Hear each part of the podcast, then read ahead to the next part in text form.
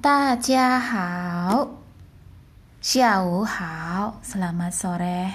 Siang menuju ke sore, angin sepoi-sepoi, 天气很好, cuacanya sangat baik dan uh, tidak panas.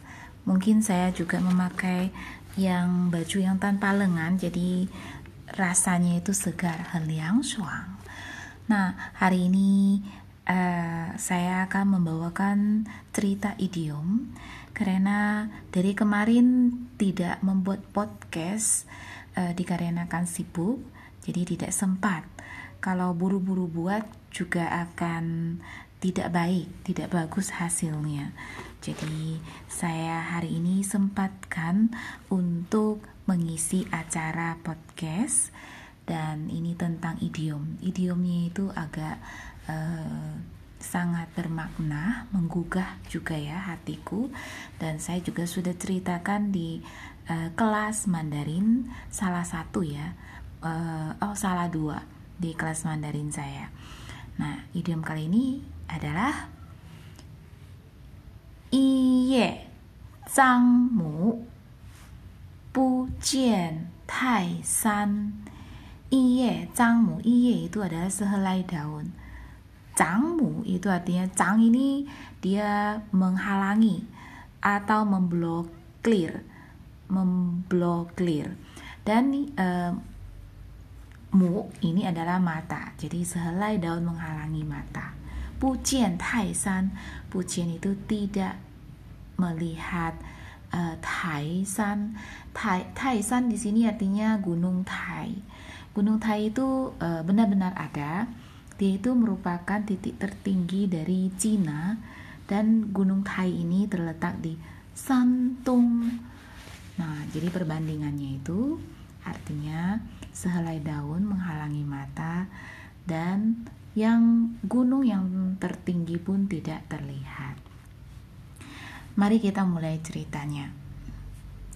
Pada zaman dahulu kala, ada seorang kutu buku dia ini di keluarganya miskin dan dia senang membaca buku.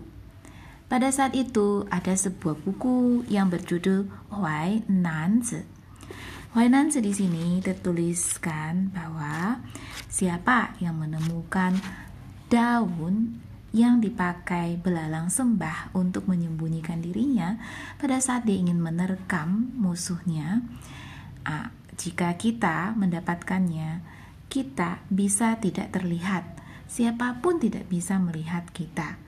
Nah, artinya kita bisa menghilang. Insen.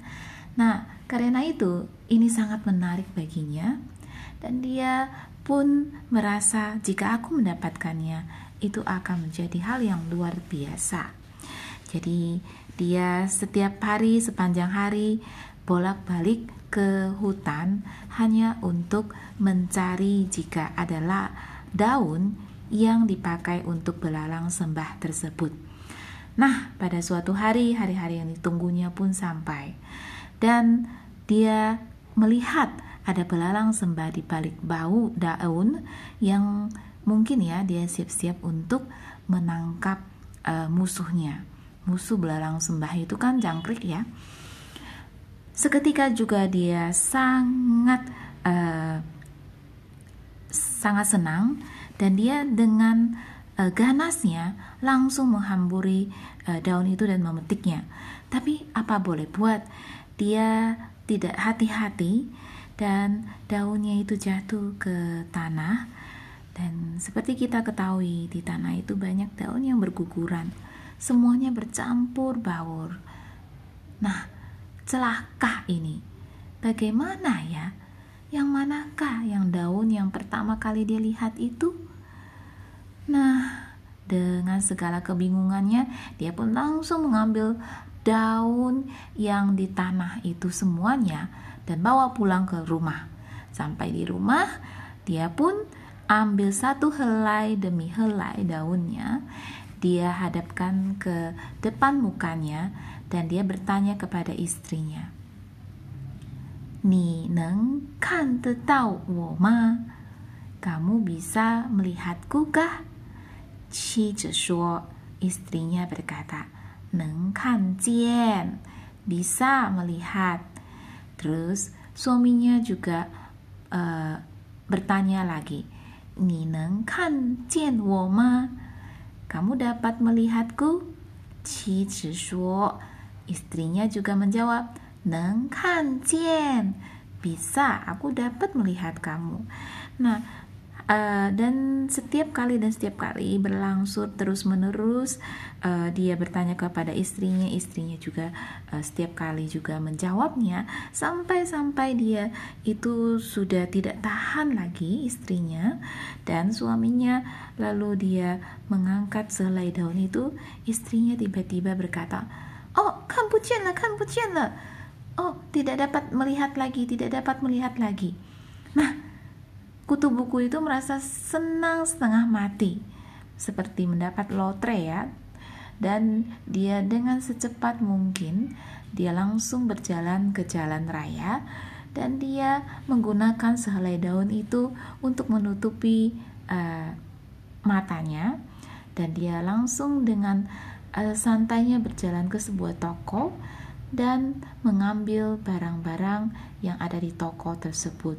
Tuan toko itu sangat terkejut. Dia melihat ada seseorang yang berani sekali mengambil barang-barang yang di toko di siang bolong, bayangkan.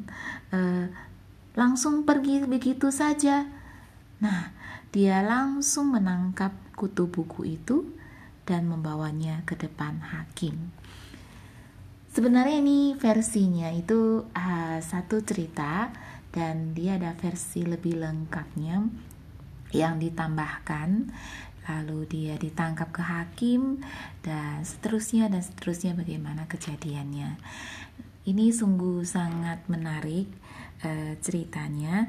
Dan ternyata ini diceritakan ini cerita ini ditulis oleh seseorang uh, sastrawan yang pada zaman Sanko yaitu zaman tiga kerajaan. Zaman itu pas pada abad keempat, jadi sekitar tahun 300-an. Bayangkan sekarang sudah ribuan tahun dan cerita ini masih sangat bermakna sekali. Dan kita mengambil hikmah ya dari cerita ini. I ye tai artinya jangan dibutakan oleh hal yang kecil tetapi melupakan hal yang besar. Nah, kita juga bisa uh, mengatakan bahwa kita tidak melihat seseorang hanya dari satu sisi kecil saja, tetapi kita melihat, kita melupakan keseluruhan dari uh, karakter baiknya. Nah, seperti itu ya. Uh, untuk mencapai untuk mencapai tujuan juga kita tidak terhalangi oleh hal-hal yang kecil dan melupakan tujuan utama kita. Boleh seperti itu. I ye zhang mu bu jian tai san. Kapan ya kalian pernah dibutahkan oleh sesuatu? Saya juga pernah dan uh, yang lain juga mungkin pernah ya boleh diceritakan. Nah, xie daja ting. Idiom kali ini sudah selesai.